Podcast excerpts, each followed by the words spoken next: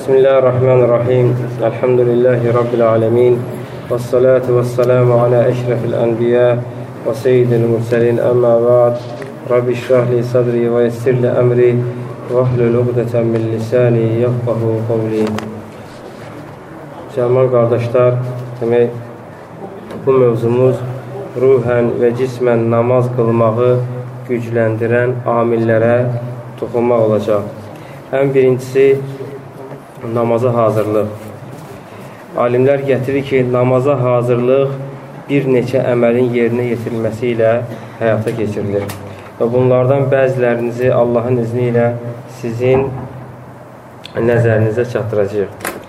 Birincisi, müəzzin ilə birlikdə müəzzin azan verərkən onun sözlərini təkrarlamaq.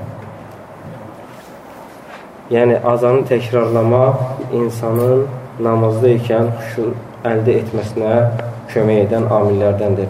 İkincisi, alimlər gətirir ki, azandan sonra şəriətdə müəyyən olmuş duanı oxumaq. Yəni, azandan sonra Allahümmə Rabbə həzihi dəvəti təmə və sələtil qaimə iləl-əxir. Duada gəlir ki, ey bu kamil dəvətin və qılınacaq namazın Rəbbi olan Allahım. Yəni, duaya fikir, fikir verdiyimiz zaman, qardaşlar, duanın tərcüməsində nə keçir? Ey bu kamil dəvətin və qılınacaq namazın Rəbbi olan Allahım. Həmçinin alimlər gətirir ki, Üçüncüsü, azan ilə iqamə arasında dua etmək. Dördüncüsü gətirir ki, gözəl şəkildə dəstəmaz almaq, dəstəmaz alarkən bismillah, dəstəmaz alıb qurtardıqdan sonra isə dəstəmazdan sonra duaları oxumaq. Əşhədu an la ilahe illallah və əşhədu an la vəhdəhu la şərikə lə və əşhədu an Muhammedən abduhu və rasuluhu. Mən şəhadət verirəm ki, Allahdan başqa ibadətə layiq olan haqq məbud yoxdur. O təkdir, onun heç bir şərki yoxdur və şəhadət verirəm ki, Məhəmməd sallallahu aleyhi ve sellem onun qulu velisidir. Həmçinin digər duanı oxumaq Allahümmə cəalni minət-təvvabinə və cəalni minəl-mütətahhirin Allahım, məni tövbə edənlərdən və təmizlənənlərdən et. Fikir verin alimlər namazda xuşunu əldə etmək üçün birinci amil namaza hazırlığa gətirir.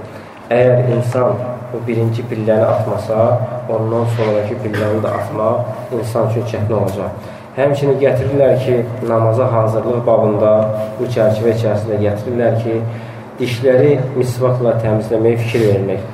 Çünki az sonra Quran oxunacağı üçün ağzın təmizlənməsi və gözəl qoxulu olması lazımdır. Necə ki, Peyğəmbər sallallahu aleyhi və səlləm buyurur, ağzını Quran üçün təmizlə. Altıncısı, namaza başlamamışdan əvvəl namaza gedərkən gözəl və təmiz paltarlar seçmək. Allah subhanətə da buyurur, ey Adəm oğulları, hər ibadət vaxtı, yəni namaz qılarkən, məscidə gedərkən və yaxud da tavaf edərkən gözəl libasınızı geyinin. Ərəb surəsinin 31-ci ayəsi.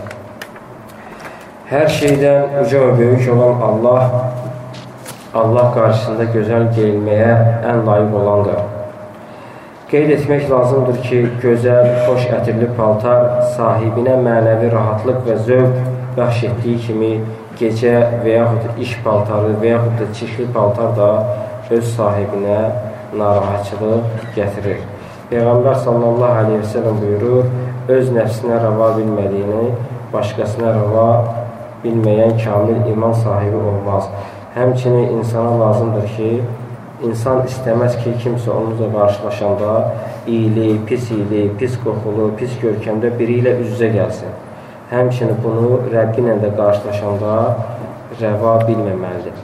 Demək, birincisi buyurduq ki, namaza hazırlıq İxlasla.com saytı tərəfindən təqdim olundu.